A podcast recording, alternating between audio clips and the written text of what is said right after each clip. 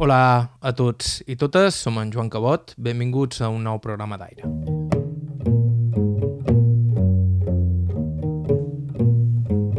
Primer programa de l'any i primer gran testimoni recollit a més a un llogaret ben particular. Un racó de Mallorca amb només uns 1.200 habitants i tradicionalment vinculat a la producció, com tota la contrada, d'oli i d'oliva, de fet, a comerciar amb aquests productes es dedicava el padrí per part de pare del nostre protagonista d'avui, Jaume Estrany. Més sorprenent, però, és la història de la seva mare, que va ser la primera i única comare titulada del poble, el que suposa que va assistir al naixement de mitja comarca. I si la seva germana va seguir els passos de la seva mare, ell va seguir els de son pare i el seu padrí, dedicant-se a la pagesia i, de fet, presidint durant anys Unió de Pagesos el sindicat més combatiu de les illes. Un combat en què hi ha hagut tant victòries com derrotes, però que sens dubte hagués tingut un resultat molt més trist sense les mobilitzacions que varen promoure en uns anys clau. Uns anys que hi va viure en primera línia. Avui coneixerem la seva història. Estau escoltant Aire i Betres Ràdio, us parla Joan Cabot. Començam. I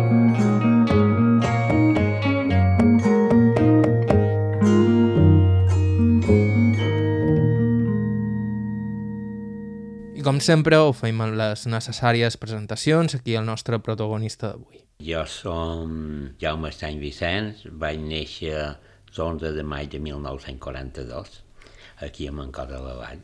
I en què se dedicaven els teus pares? Mon pare era, era pagès i ma mare era comare. Ella va ser la primera i única comare que hi va a Mancor ja hi havia un metge, el metge sí era, era com ara que no hi havia.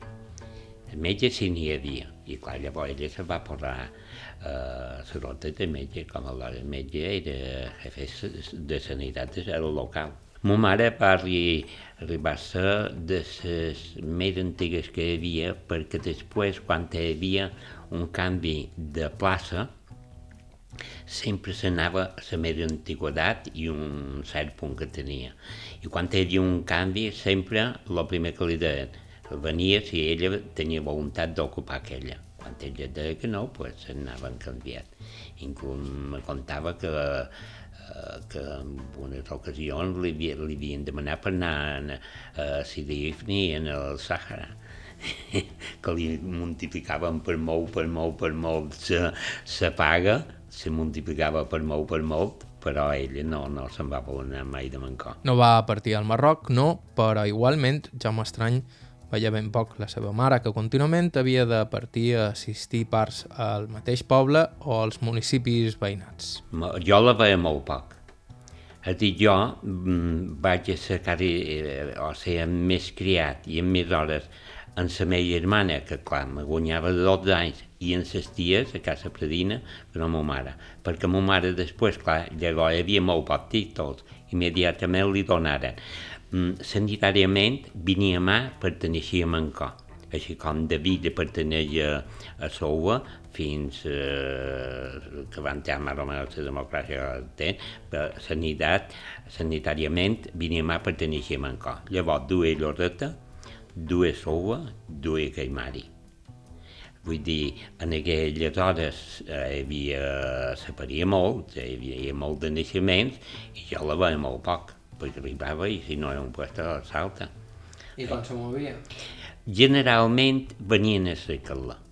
Generalment de Lloreta, quasi sempre era el mateix, un home que va tenir un, tenia un taxi d'aquella època, venia a cercar casa com ara, tal, i ja sabien que generalment. I a certs puestos me contava, per exemple, per dins de muntanyes, les possessions, on carretons, o inclús eh, mm, colcava darrere un ego, l'amo de la possessió o, o qualcú enviat, i moltes vegades, un, com a lògic, una persona de confiança de, de la casa venia a cercar-la, s'aixencava damunt sego, el maletín, i per amunt cap a... Sí, sí. I com eren de caràcter els teus pares? Bueno, eh, sempre diu normal, normal, ma mare eren molt faneres, ma mare molt fanera, sempre feia feina, no eren, no eren, no eren persones molt que pitjor en sortir, ni no, no, no, eren molt de casa seva, eren molt de casa seva, el mateix que la meva germana, i clar, eh, passaren temps difícils, perquè te contaven coses, sobretot de quan li va tocar tot el tema del moviment, eh, amb molta de por, amb molta por tremolant, però la consciència li, li feia fer certes coses que en aquell moment eren molt perilloses. Com per exemple? Eh, com per exemple que com, com tota la vida ha hagut eh, eren, per exemple, els que tenien els amos de possessió, per exemple, per aquí no hi havia indústria i les famílies eh, econòmicament bé eren tots els que tenien eh, una, una bona agricultura, sobretot sol, i a Mancoi era, era un dels pobles més importants. Eh, a Mancoi, eh, jo recordo, hi havia vuit fones funcionant, molt més que Caimari, i, i que sou tot això, eh, funcionava molt. Clar, a en aquell dos eh, valia molt de dobbers, els amos de les finques guanyaven molt de dobbers i la gent que coïa, les dones que coïen, pues ja saben com estava, com passaven. Que hi havia, hi havia el lío de que eh, amos de possessió embarassaven, embarassaven eh, sirvientes, eh, coïdores, eh, dones desfigurau, coses de queixes, i què passava? Pues que després era un, un tema molt difícil embarassada, no ho volia ni més en aquell temps i què havien de fer. I ma mare va ser molt recta sempre. Va dir que no, no hi va voler jugar mai. Eh, me va, jo sabia, encara els record, ja no hi són aquests homes, però que li havien posat eh, la cartera a damunt, a damunt la taula, agafa el que vulguis, però fer, fer això, i no ho va voler fer. Refereixes a que provoqués sabor exactament, exactament exactament. No, no, ho va, no ho va voler fer mai. Diu, m'haguessin... Me n'oferien moltes de vegades, però jo no ho vaig voler fer mai. I el caràcter de ton pare? Pues, eh, és que, que era molt diferent de caràcter. Eh, eh, així com ma mare era molt activa i molt d'això, eh, era molt passiu, tenien servici, anar a llaurar, vigar, menjar i 10 minuts eh, eh, en el bar sortia, el vespre que sortia, eh, prenia un cafè, tornava i lleure i així era la vida. No, no, no, era molt passiu en aquest aspecte. Aquesta simplicitat lliga amb el record que té Jaume Estrany del caràcter dels pagesos d'aquells temps, que segons ell eren... Sobretot molt ahorradors molt ahorradors, és que tampoc no hi havia, vull dir, eren els anys de crisi després de la guerra i tot el que passava. Uh, molt ahorradors, molta de feina, tot feien molt de feina. Dir, uh, jo ho record quan se, se varen començar a posar dins la pageria per aquí d'altres les possessions, a, a només fer feina a dissabte de matí. Perquè antes se feia fins dissabte vespre. El diumenge no, perquè se servien de la missa i a les possessions aquí on feien feina eh, ja els deien, au, que demà vos toca anar a missa. I d'anar a missa. I, i llavors ja ho record. Però molta feina, de sol a sol i de, i, i l'estiu en hivern i de sol a sol. Els pedins eren, eren pagesos i a més comerciaven en carbó i amb oliva. Eh, tenien moltes de, no en propietat, sinó el cultiu de, que llavors se feia, comprar l'esplet de Massanella, de tal, de qual, i després tenia molta de gent, molta de gent. Uh, tant així que uh, va comprar un cotxe en uh, l'any 1929, ja tenia cotxe i, i després, estem de, després que va fer el van transformar, era un Dodge, un Dodge americà, per això jo vaig aprendre de, de conduir amb ell, el va transformar en furgoneta i carregat d'oliva, mentre que tothom encara anava, anaven en carros, i després també també tenien carros. I, i feia molt de viatges, venia molt d'oliva, molt de carbó. Mancot el que havia que, que produïa era soli oliviola en feien molta, molta. I ara no en fan ni una dècima part de lo que feia. Molt de, molt d'olivatge, eh, espinars ja els han invadits, ja són pinars, ja s'han menjat, els pies siguent un arbre tan depredador com el, s'han menjat el i ve dir els garroers. La garrova llavors en aquell mm, temps valia quan, quan jo recordo dir, quan es duen allà en el pont d'Inca, que hi havia una eh, fàbrica eh, per mi em feien esperit, em feien esperit, que també va, va valer del bé la garrova. I la mela varen tardar mm, uns anys va tenir una pujada molt forta i després va, va tornar a caure. Però vaja, en els termes d'aquí de la muntanya, de muntanya, era, la majoria eren soli, les olives i soli. Llavors tenia molt de valor perquè jo recordo la fira de Campos, que el meu petit tenia molta, molta clientela eh, a, a, a, a Campos, la fira i tot i a dia la fira de Campos feia tres viatges i a cada viatge durava a lluir de 40-50 canastes, aquelles canastes d'oliva que eren ovulades, eh, de fustetes així. I en aquelles canastes hi cabien, llavors no anaven per pets, venia per humuts que eren dos litres. Hi cabien 21-22 humuts. I en la gent que tenien de la família, eh, ja he vist vendre la tia Margalida, el tio Bernat, després el tio, i el tio Joan, tot quatre amb una tira allà i pum pum mesurada i, i, i el costum, com a que dijous bo i les fires que hi havia en aquell temps, en aquest temps que les fires se feien, era el dia de comprar l'oliva i compraven l'oliva per tot l'any. Compraven, la gent comprava, mm, feien ufabis, ufabis i s'enduen un canastro, 20 humut, eh, o un i mig i tal.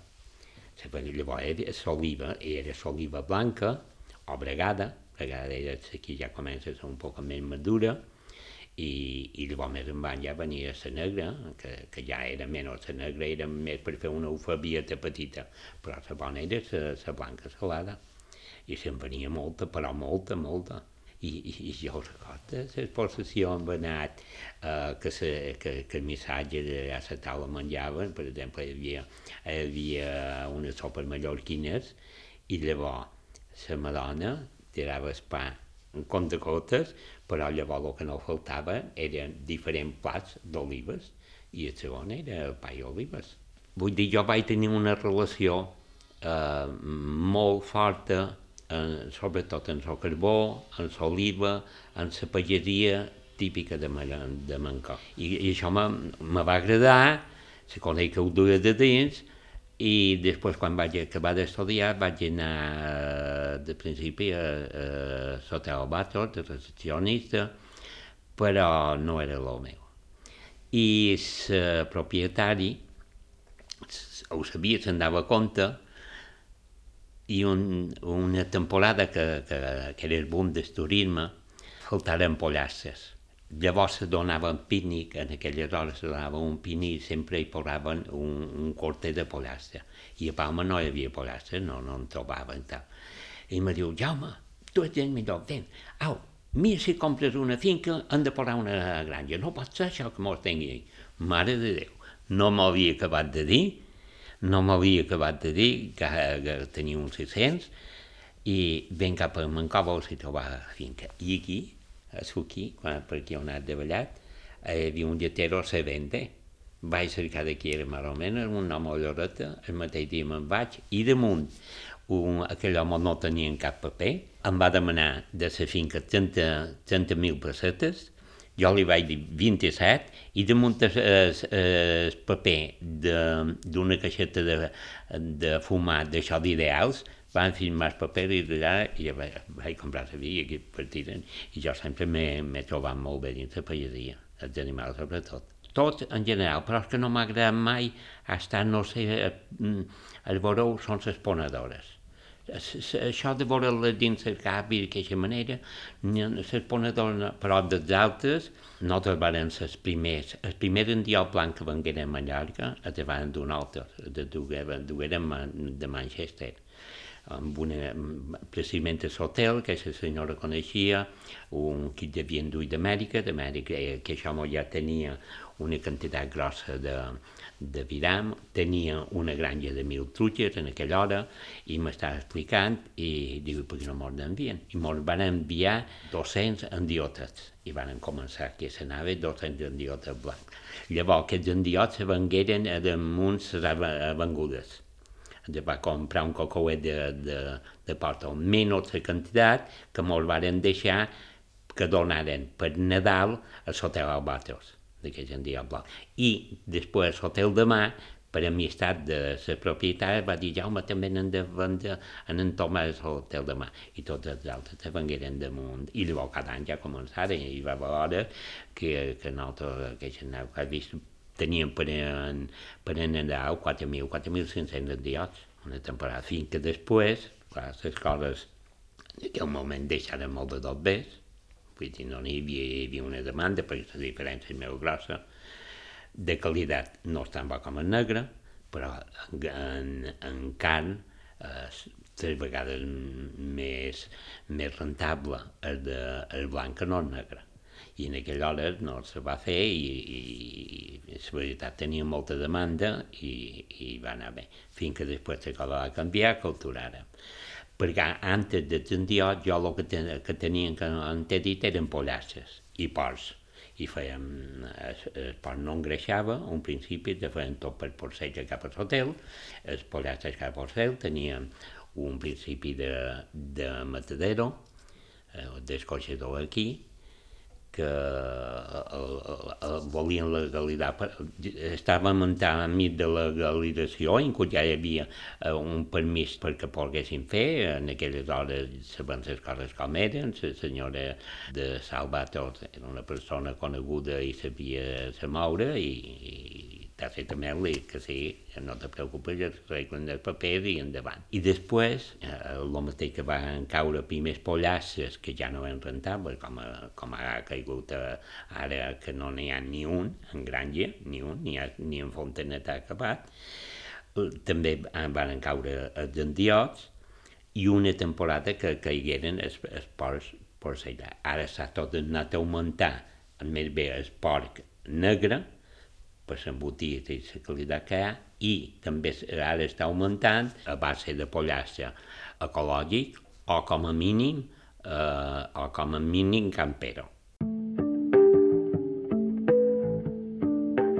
Ni pollastre ni porc, Jaume Estrany s'ha especialitzat en els darrers anys en criar vaques. En concret, la raça mallorquina, una vaca que gairebé viu del que troba per la muntanya i que produeix una carn de millor qualitat. Anar canviant, quan m'he dat compte que la rentabilitat era zero o menys, retallat, com és lògic, i m'he passat, m'he passat a una altra espècie. I ara mateix que tens? Vaques, vaques i bous d'engorda. Vaques autòctones, mallorquina, amb un sistema molt natural de pasturatge, en tem per tot Mallorca, per, per Escorca, en tenim per, per Deià, Esteix, en tenim a Llum Major, en tenim a Manacor, en tenim a Ocudi, en tenim a Pollença, en tenim per de Vecineu i a Mancor. Això mm, de la vaca me va coincidir quan començava, perquè aquí, en la granja que tenim a la banda d'aquí, ell tenia 100 tutges i un engreix, uns engreixadors de 500 porcs. Però quan ja no hi havia rentabilitat que estava, més o menys va ser quan en Joan Mayol, que en aquelles hores era director de part de la bufera, ja mos coneixien, me va convidar per muntar una explotació de vaques a la bufera com antes havia estat, perquè antes la bufera eh, havia eh, jo vaig xerrar amb un dels homes que tenien i, i hi havia 400 vaques havia hagut menjant canyet i canviat. I clar, ara tot sabia, canyet sabia tompar, no podien anar tal, van dedicar a punt.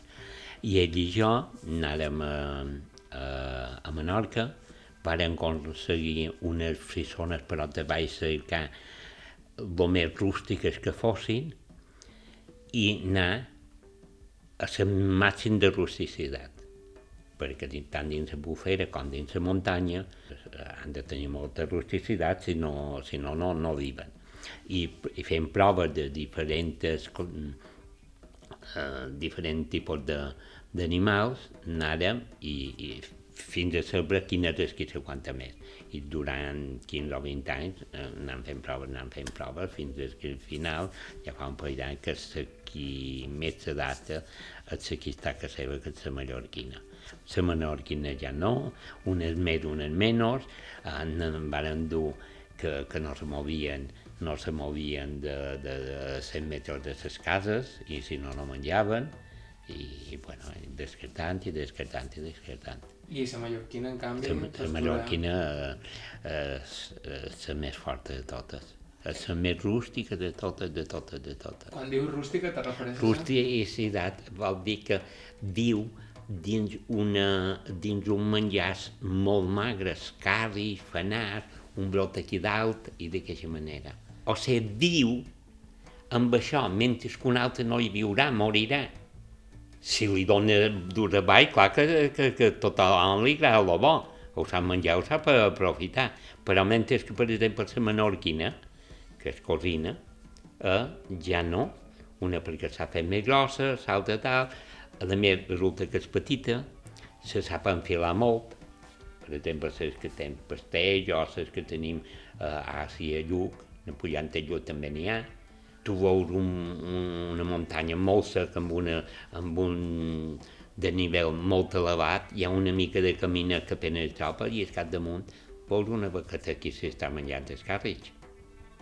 Pues ja mentre calça, les altres vaques ni intentarà, és que no hi pujaran, perquè tenen por i ja no hi pujaran, i a més estan acostumades a, menjar eh, dates a menjadora.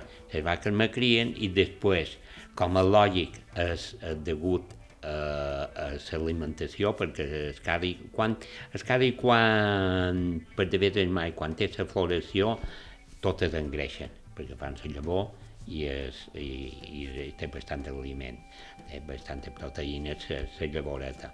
Però llavors quan ve l'estiu, que és sec, tot és fibra, no hi ha gent de, de, de proteïnes que no n'hi ha.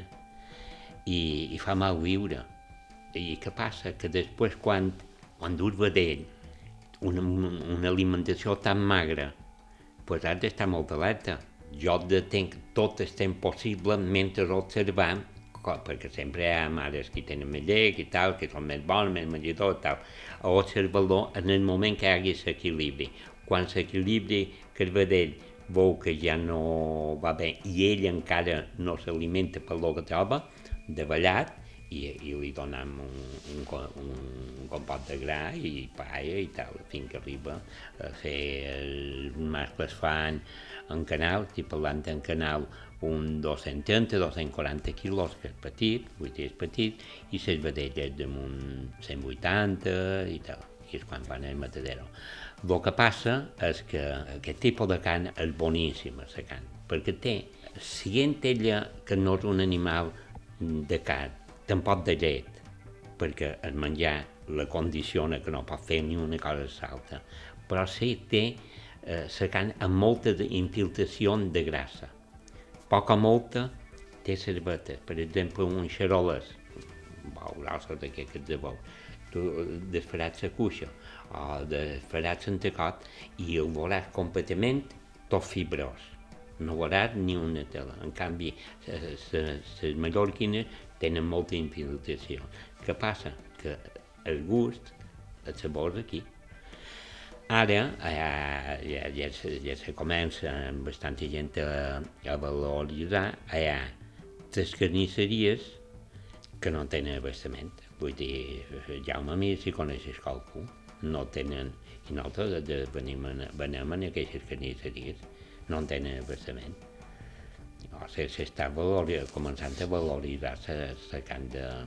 Com a lògic és més costosa, perquè la conversió, la conversió del número, la quantitat d'aliment, concretament o de gra, pienso o tal, o que sigui, per número de quilos que te posa. És alta, aquests musculats en, en 5 quilos te posen un quilo de carn, 5 quilos de gra ben mesclat, que, que sigui un menjar equilibrat, el que nosaltres fem, quantitat de cereals, altres de, de lleguminoses i després un compost vitamina mineral perquè ho tinguin, perquè si no encara te surt, te surt més alt la conversió. Hi ha una diferència de 2 a 3 quilos de diferència mm, més a favor del bou de can, xerolet, limousin, eh, belga, tot aquest. aquest amb menys quilos posen més carn però la carn és molt més, molt menys, o molt més insípida, de molt, de molt, de molt. De manera que encara avui dia continua vinculat a la pagesia, un món en què també es va implicar a nivell polític d'Estunió de Pagesos. Durant anys, el sindicat més combatiu en tot allò que tenia a veure amb el camp i que ell va presidir durant anys. Sí, no, no dins Unió de Pagesos, a la fundació jo no hi vaig participar, però fa poc temps Eh, jo tenia de, un companyero d'estudis que era Manescal, en Alejandro Siquier, era molt amic, i, i, i va venir un dia, com diu, Jaume, ha pujat això i això, han sortit amb un Llorenç, amb un grup que han fet, ja han fet unes visites i, i després me vaig integrar i després d'un moment, no sé si estem que feia, si feia dos o tres anys que, que estava d'afiliat i anava a les reunions, me van votar i, me, me van, i vaig ser el secretari general, sí, bastant d'anys.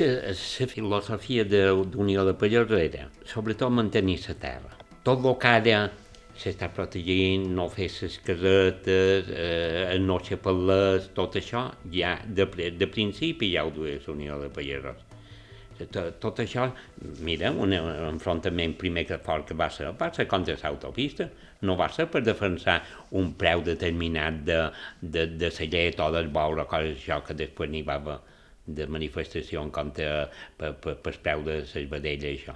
Va ser això. A, a un principi, les persones que, que estaven afiliats a Unió de Pagesos tenien una visió bastant clara per defensar la pageria, però des del principi. No deixar rompre la pageria, el terreny de la pageria, que, que se transformassin en casetes de domingueros, com se deien, com se veien, perquè llavors, per exemple, veien que començaven a davallar i, i unes finques d'una quarterada, dues casetes, tenia, i, i, i ara també ha fet un poc això perquè hi ha hagut altre mòdul de que s'ha fet, però la part del gall de llum major havia una quantitat de casetes i venia un dominguer, l'amo la regalava, la arrendava, però en canvi un pagès que li hagués anat bé aquelles dues quarterades vegades, no, no, la terra no se feia, no se comprava, no comprava, però l'amo li donava més interessos. L'arrendament de, de ciutadà que li dava, cosa fins que hi havia una protesta contra això perquè la pageria no podia accedir.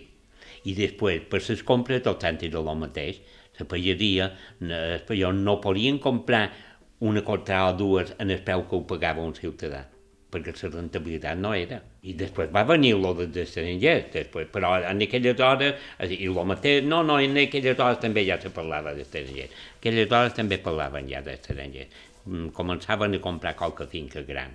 Quantes de, de finques jo he vistes, per tal qual, mm, que, que se compraren i, i venia un de tal i qual, i doncs, eh, clar, venia carregat de dos bers, i més en el canvi de moneda, el que feia, i feia una cosa, però que no tenien sentit i no, i no n'han tingut de sentit. No jo n'he vist molt de, de, de, de notícies que vol fer, s'ha publicat en entitat vuit dies, perquè tanmateix no era adequat a Silla, en el terreny, no, no donava, no, no era una cosa que, que no tenia no tenia perspectiva de fer-ho, el que passa que ho feia un perquè, per, perquè tenia dos béns i s'encapritxava amb això. I llavors l'Unió de Pagesos el que va defensar i va, i va crear i en va fer moltes van ser el cooperativisme.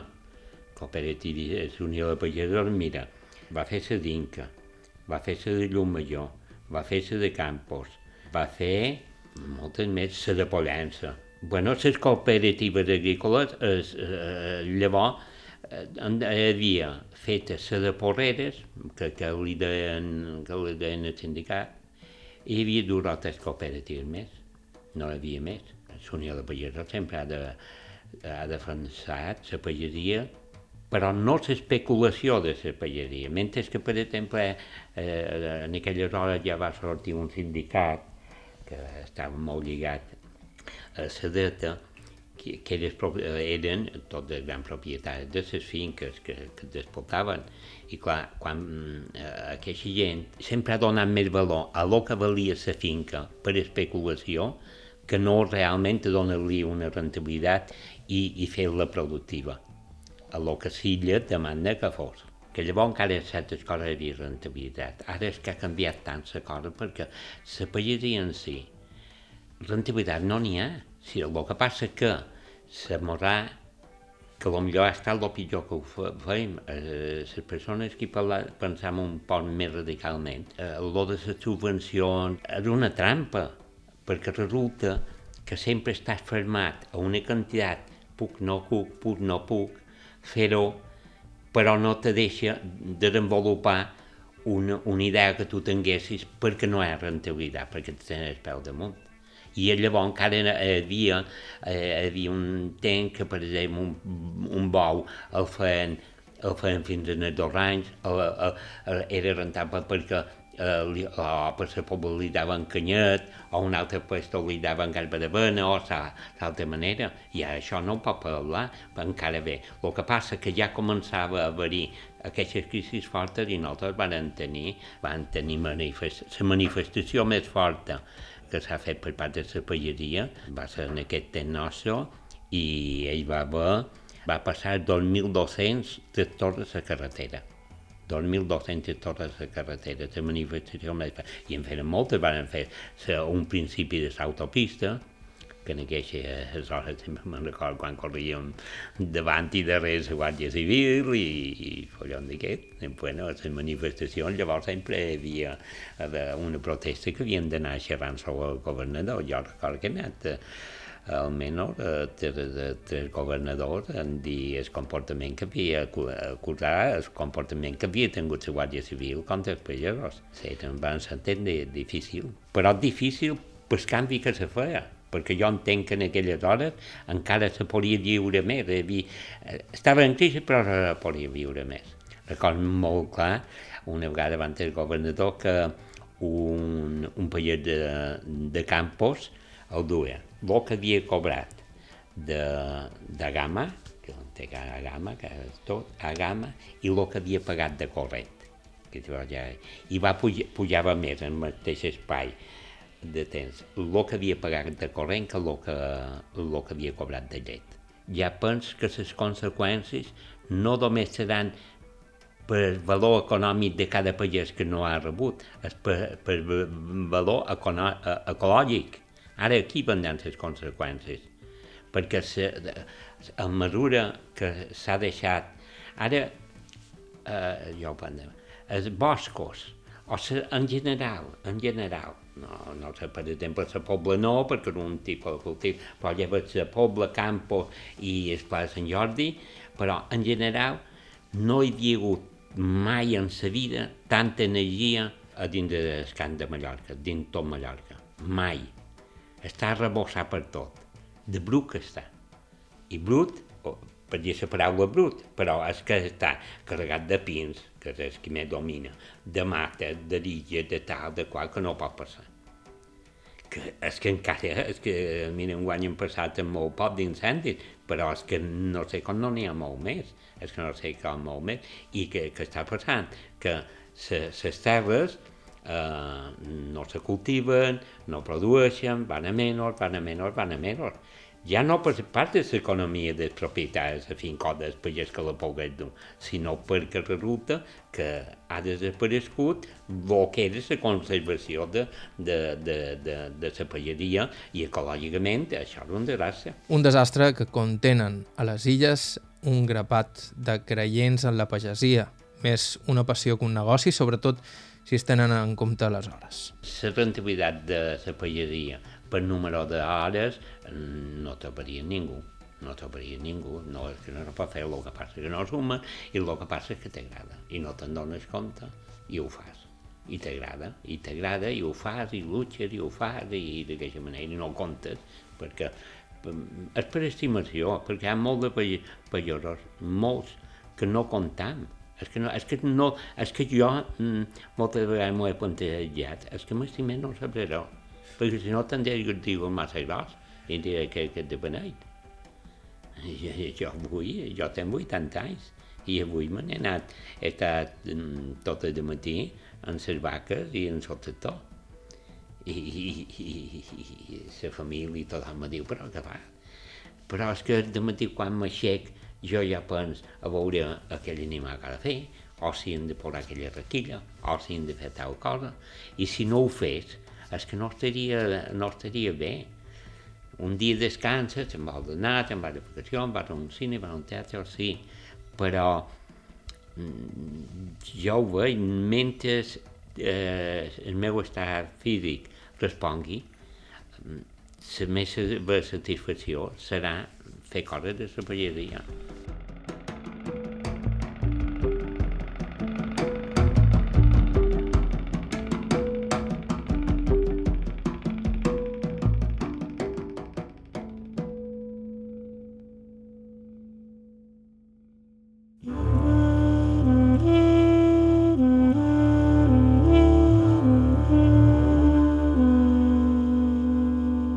Fins aquí el programa d'avui. Moltíssimes gràcies a Jaume Estrany Vicenç pel seu temps i amabilitat i moltíssimes gràcies a l'amic Rafael Gelabert que un cop més va ser qui ens va proposar aquesta entrevista.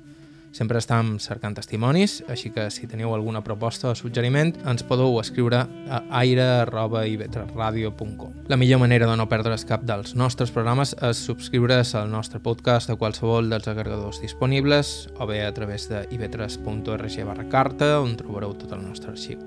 La música que faig servir habitualment és de Joshua Abrams, Mary Sanderson and Jim White, Jaume Tugores, Orenan Barchi amb Johan Berthlink i Andreas Ferlin i de Charles Rumbach.